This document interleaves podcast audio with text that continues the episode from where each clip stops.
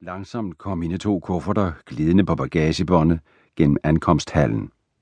De var gamle, fra slutningen af 60'erne. Jeg havde fundet dem mellem mors ting ude i laden, da vi skulle flytte, dagen før flyttevognen kom, og straks annekterede dem. De passede til mig og min stil. Det er ikke helt samtidsagtige, ikke helt strømlinjeformet, jeg ledte efter i livet.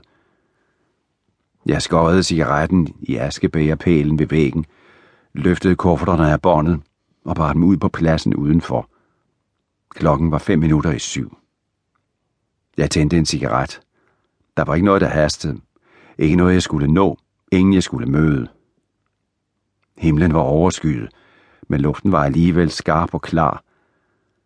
Der var noget højfjeldsagtigt over landskabet, selvom lufthavnen, jeg stod udenfor, ikke befandt sig mange meter over havet. De få træer, jeg kunne se, var lave og forvredne. Fjeldtoppene, der blokerede udsigten, var hvide af sne.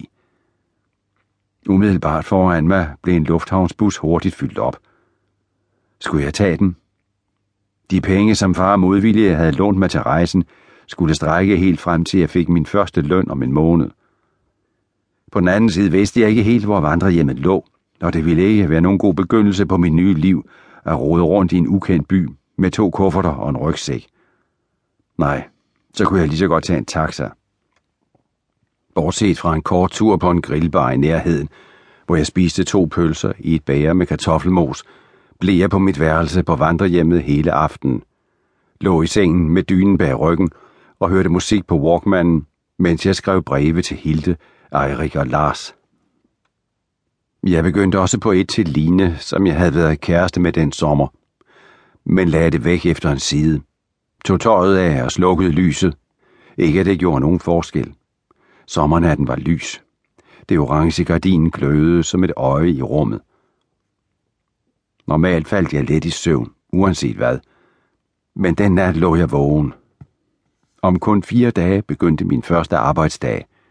Om kun fire dage skulle jeg træde ind i et klasseværelse på en skole i en mindre by ved kysten i Nordnorge. Et sted, jeg aldrig havde været, og ikke vidste noget om. Ikke engang havde set billeder af.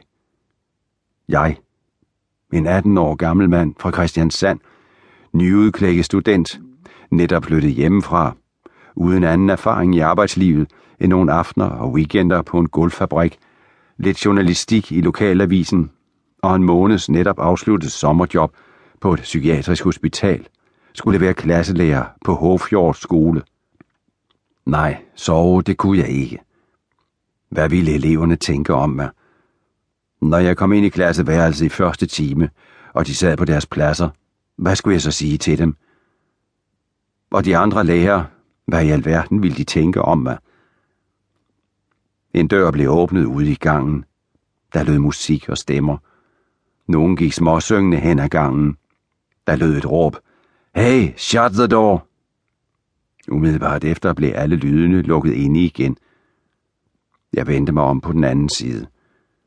Det underlige ved at ligge i en oplyst nat gjorde nok også sit til, at det var svært at falde i søvn. Og når tanken om, at det var svært at falde i søvn først var etableret, blev det i hvert fald umuligt. Jeg stod op, tog tøjet på og satte mig i stolen foran vinduet og begyndte at læse. Dødt løb af Erling Gjelsvig.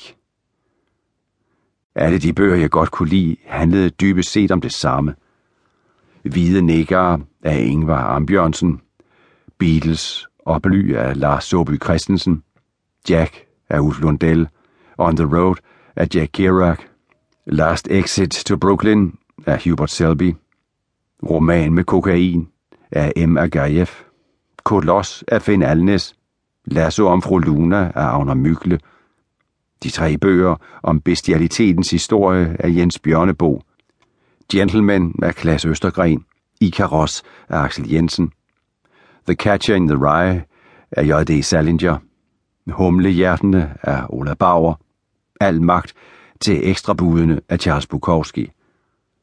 Bøger om unge mænd, der ikke fandt sig til rette i samfundet, så ville have noget mere ud af livet end rutiner, noget mere ud af livet end familie, kort sagt unge mænd, der afskyede borgerligheden og ledte efter friheden. De rejste, de drak sig fulde, de læste og de drømte om den store kærlighed eller den store roman.